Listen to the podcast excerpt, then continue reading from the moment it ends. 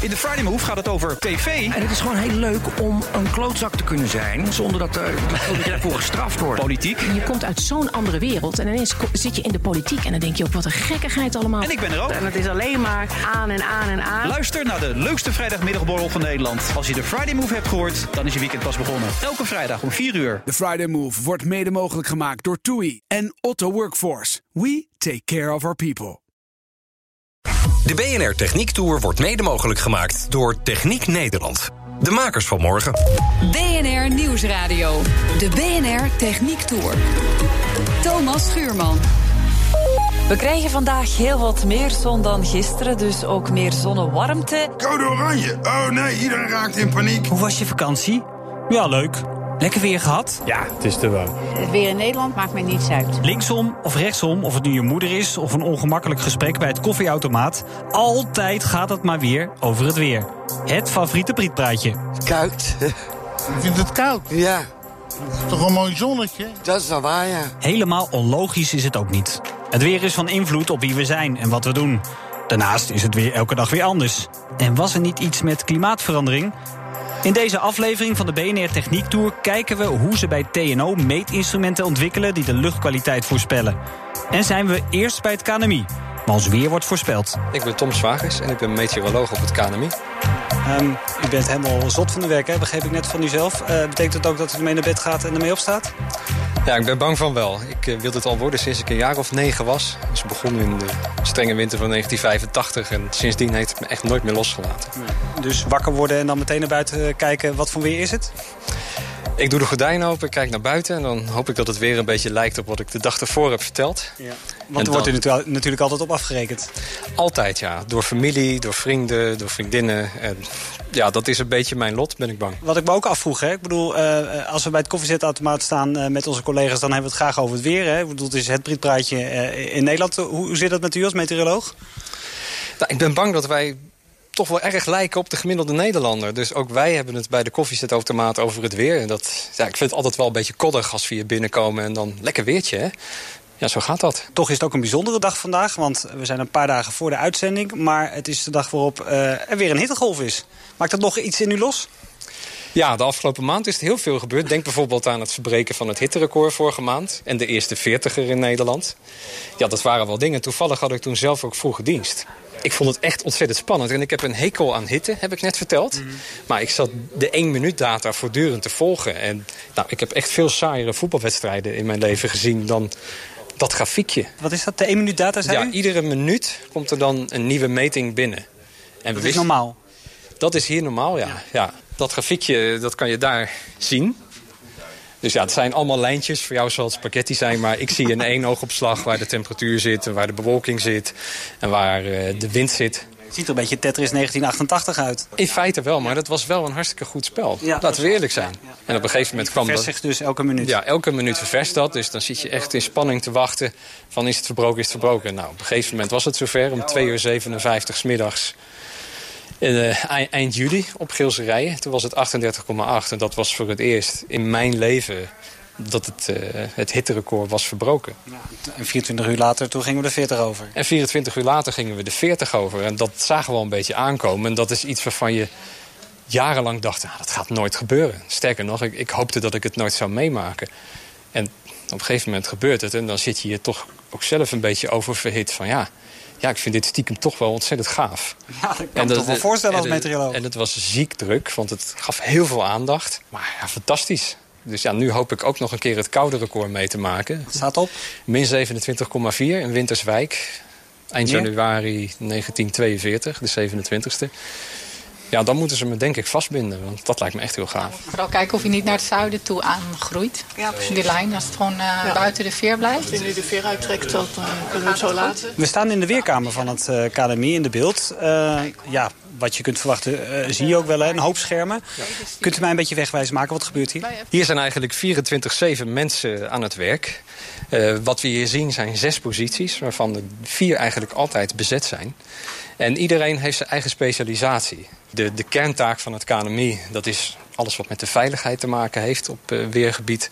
En dat is wat we hier ook doen. Maar zes plekken, uh, alle zes iets verschillends. Ligt ze eens toe? Nou, we hebben bijvoorbeeld een werkplek uh, die zich bezighoudt met de luchtvaart. Schiphol, Rotterdam Airport. En we hebben iemand die zich bezighoudt met de kleine luchtvaart. Eh, dan moet je denken aan ballonvaarders, uh, Cessna's, zweefvliegers. We hebben iemand die zich bezighoudt met alles op de Noordzee. Dat is niet alleen de golven, maar dat zijn ook de, de boorplatforms... waar helikopters naartoe vliegen. En de plek waar ik zelf zit, dat is de veiligheidsplek. Dat is de plek waar we onder andere code geel, code oranje en code rood uitgeven.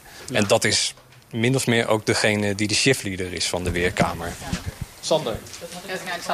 En wat we hier in een notendop doen, dat is voortdurend in de gaten houden wat er gemeten wordt, wat er berekend wordt en wat we tot nu toe zelf verwacht hebben. Met name dat laatste, dat is heel belangrijk... omdat we in de gaten moeten houden van de verwachtingen die we hebben uitstaan... komt dat nog overeen met wat we meten. Ja, daar waar u op afgerekend wordt, ook thuis? Waar ik op afgerekend word, inderdaad, ja. ja. Nou, zo zien we bijvoorbeeld radarbeelden, we zien satellietbeelden. En vergis je niet, we hebben verschillende computermodellen... en soms kunnen die totaal andere dingen gaan vertellen. En dan word ik ervoor betaald om te zeggen van...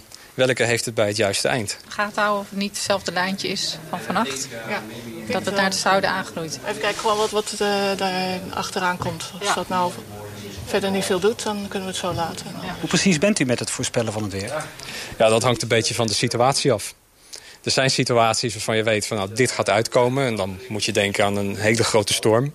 Dan weet je vaak al een week van tevoren van nou... Of bij wij... 10 of 11 wordt het wordt, uh, ja, stevig. Bij, bij, wijze van spreken hangcode oranje alvast maar. Maar als het gaat om bijvoorbeeld onweersbuien... Ja, dat zijn hele grillige fenomenen. Dan zie je ook dat de computerberekeningen zeer uiteenlopen. Je ziet op het moment suprem zie je dat het verschil in, ja, per plaats gewoon heel groot kan zijn. Ja. Het kan zijn dat jij in je tuin gewoon helemaal onder water loopt. En dat de straat verderop dat er niet zoveel aan de hand is. Ja, en bent u dat toch beter gaan voorspellen in de loop der jaren? Het wordt steeds beter. En dat is met name met dank aan uh, de wetenschap. Ja. De, de computermodellen worden steeds beter. De satellietbeelden die de computermodellen voeden worden steeds beter. En dat geldt eigenlijk voor een heleboel meetsystemen die steeds beter worden. De, de techniek helpt ons steeds beter op weg.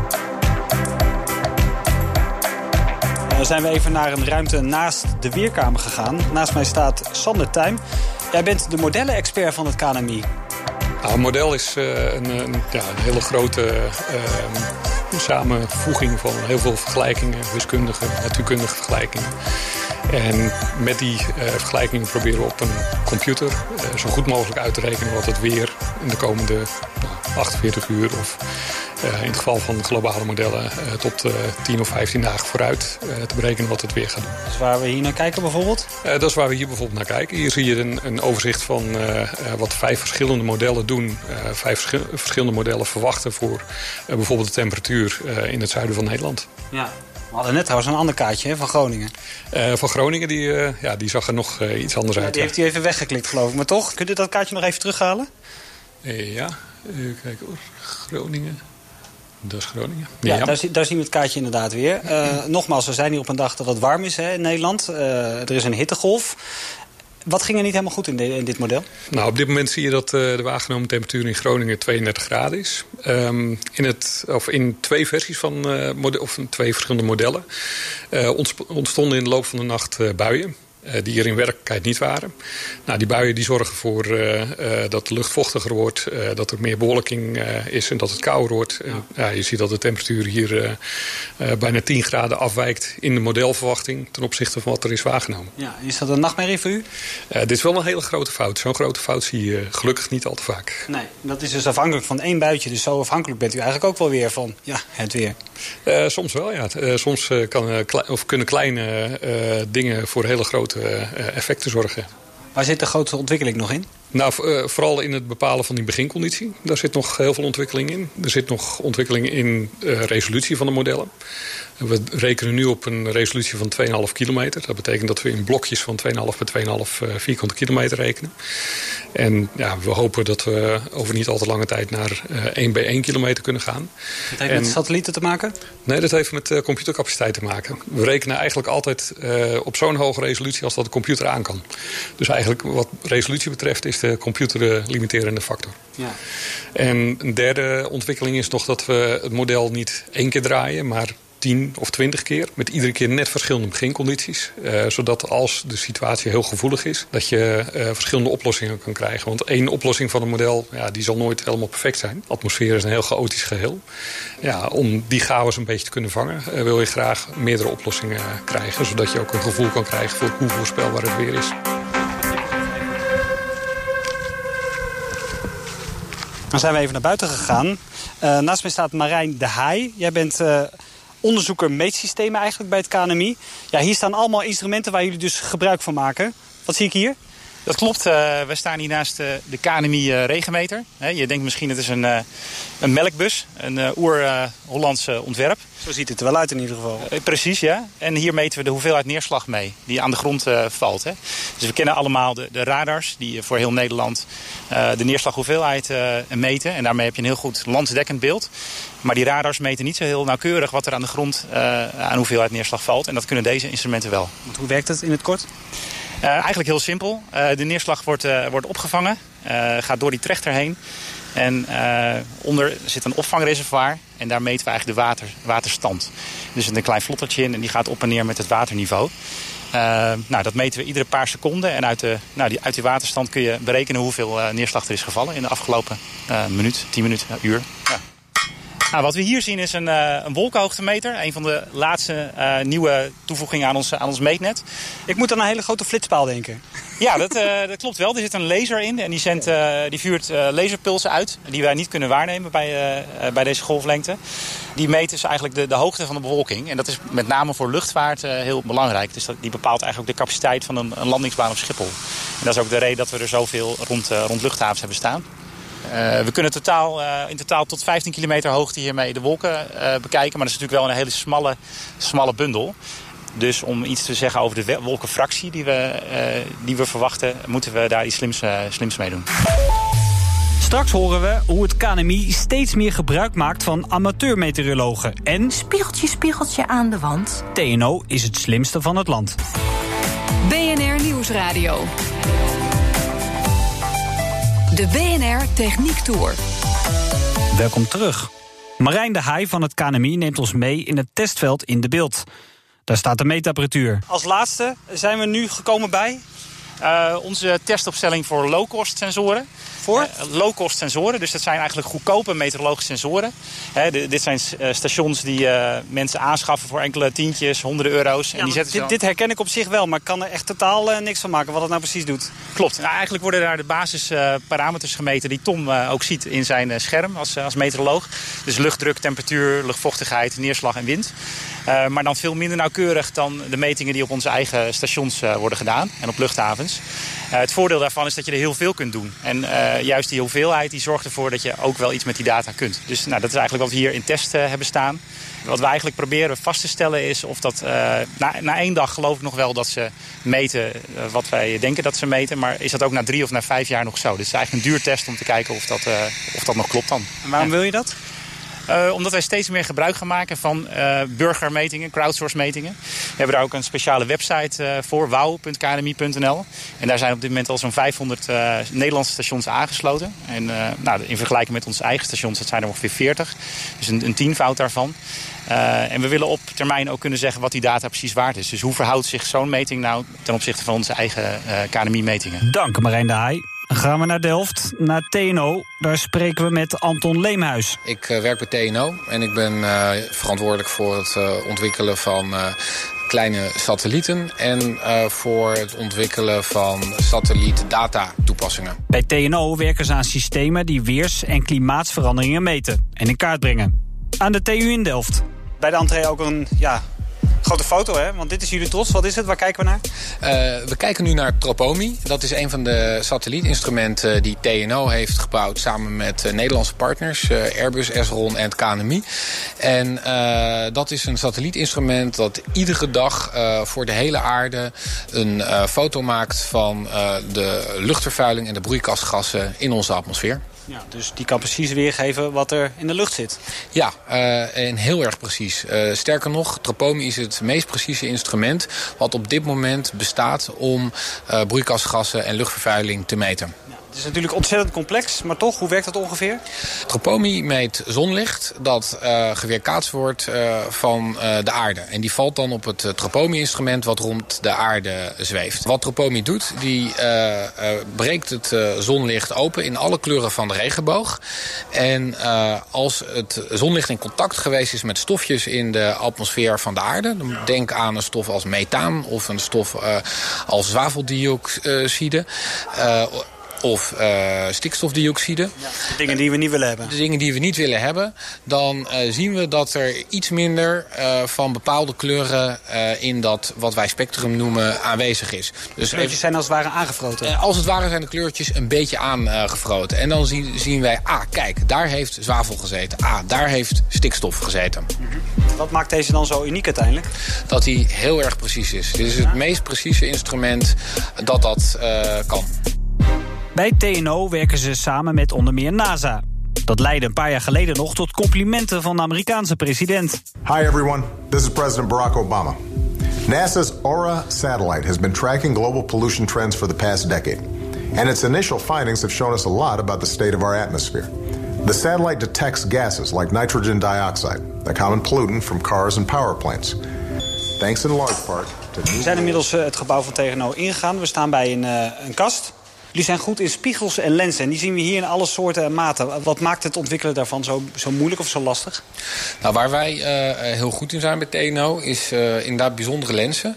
En die zijn om twee redenen bijzonder. Wij maken lenzen die niet symmetrisch zijn. Dat noemen we vrije vorm lenzen. En we maken lenzen die ultra uh, gladde oppervlakken hebben. Nou, we hebben het dan over ultraglad? Dan moet je denken aan oppervlakte ruwheden van ongeveer 1 nanometer. En 1 nanometer, dat is een miljardste van een meter. En ja, dat is bijna niet voor te stellen hoe glad dat is. Maar dan moet je uh, kijken dat die oppervlakte bijna even glad is als de grootte van één atoom. En dat is zo uniek dat eigenlijk nergens op de wereld dat kan. En mensen komen ook echt vanuit Amerika om hier dat soort uh, lenzen te laten maken. Want ja, ook daar kunnen ze dat niet. Nou zien we bijvoorbeeld een lens zoals ik hem wel ken... Hè, van mijn spiegelreflexcamera, weliswaar iets groter. Ja. Maar je ziet ze in alle soorten en maten. Waarom is dat? Ja, nou, jij wijst nu naar een mooie ronde symmetrische lens, een klassieke lens. En daar hieronder ligt bijvoorbeeld een lens, die ziet eruit als een banaan. Nou, die heeft dus een vrije vorm en wij hebben dus uh, doorgerekend hoe we zo efficiënt mogelijk het licht kunnen krijgen waar we dat willen. En daar bleek dus niet rond, maar een bananenvorm uh, voor nodig te zijn. Omdat we met die ene bananenvorm hetzelfde kunnen als met drie ronde lenzen. Dus wat je eigenlijk doet, is drie de, de prijs van één. Je hebt dus veel minder optiek nodig. Alleen je hebt wel dan één heel ingewikkeld stuk optiek nodig. Hoe krijg je zo'n lens mega glad? Ja, dat, daar hebben wij een... een heel boenen? heel, heel, heel veel boenen en heel veel slijpen. We staan hier in een, in een serie met werkplaatsen. En achter al de deuren die je hier ziet staan uh, machines waar we uh, die lenzen mee uh, draaien op draaibanken en polijsten met polijstmachines. Dat zijn de beste machines in hun soort. En wij ontwikkelen daar nog speciale fabrikageprogramma's op om het allemaal nog mooier en beter te krijgen. Nou, om je een idee te geven, zo'n zo'n draaibank, daar wordt met diamanten het aluminium mee afgeslepen. Echte diamanten? Echte diamanten. Ja, is vrij kostbaar wat hier staat. Zeker, dat is heel kostbaar. Ja, de, de, dit soort instrumenten zijn ook zeker niet uh, goedkoop. En, uh, de instrumenten zoals Tropomi die kosten orde grote 100 miljoen. Dus daar kan wel een diamantje af. en de machines die dit doen, die moeten bijvoorbeeld 24 uur warm draaien. Alleen al om te zorgen dat er geen invloed van hitte meer is in het productieproces. Dat er een constante is, zeg maar. Ja, alles moet constant zijn. Wat kun je ermee?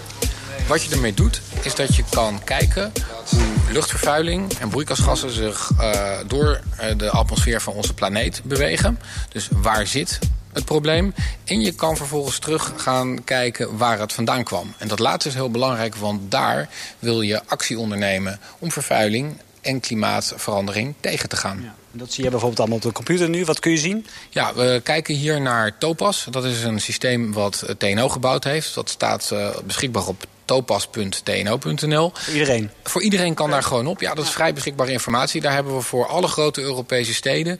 kan je zien welke vervuiling er in de lucht zit in jouw stad en waar het vandaan kwam. En we hebben nu toevallig Rotterdam uh, ingevoerd. We hebben hier nu Rotterdam. Heeft geen reden, maar we hebben gewoon Rotterdam ingevoerd, ingevoerd voordat iemand boos wordt. Rotterdam ingevoerd. En we zien hier voor de periode van begin juli tot gisteren... zien we wat er in de lucht zit. Nou, gaan we eens even kijken. Wat zit daar? Wat zat er gisteren in? fijnstof, dat zien we hier. fijnstof die in geval van Rotterdam vooral uh, afkomstig was uit uh, België en uit uh, Nederland. En de dat heeft met de wind dan dus te maken? Dat heeft met, de, heeft met de wind te maken. En de bronnen die daarachter zitten... zien we dat er een aanzienlijke bijdrage van landbouw was gisteren. Nou, dus dat, dus de luchtvervuiling, even compleet gezegd... in Rotterdam gisteren werd voor een belangrijk deel... veroorzaakt door de landbouw in België. Klopt. En dat was uh, aan het begin van de maand compleet anders. Want aan het begin van de maand kwam de fijnstof vooral aanwaaien van gebieden buiten Europa. Bijvoorbeeld woestijnzand.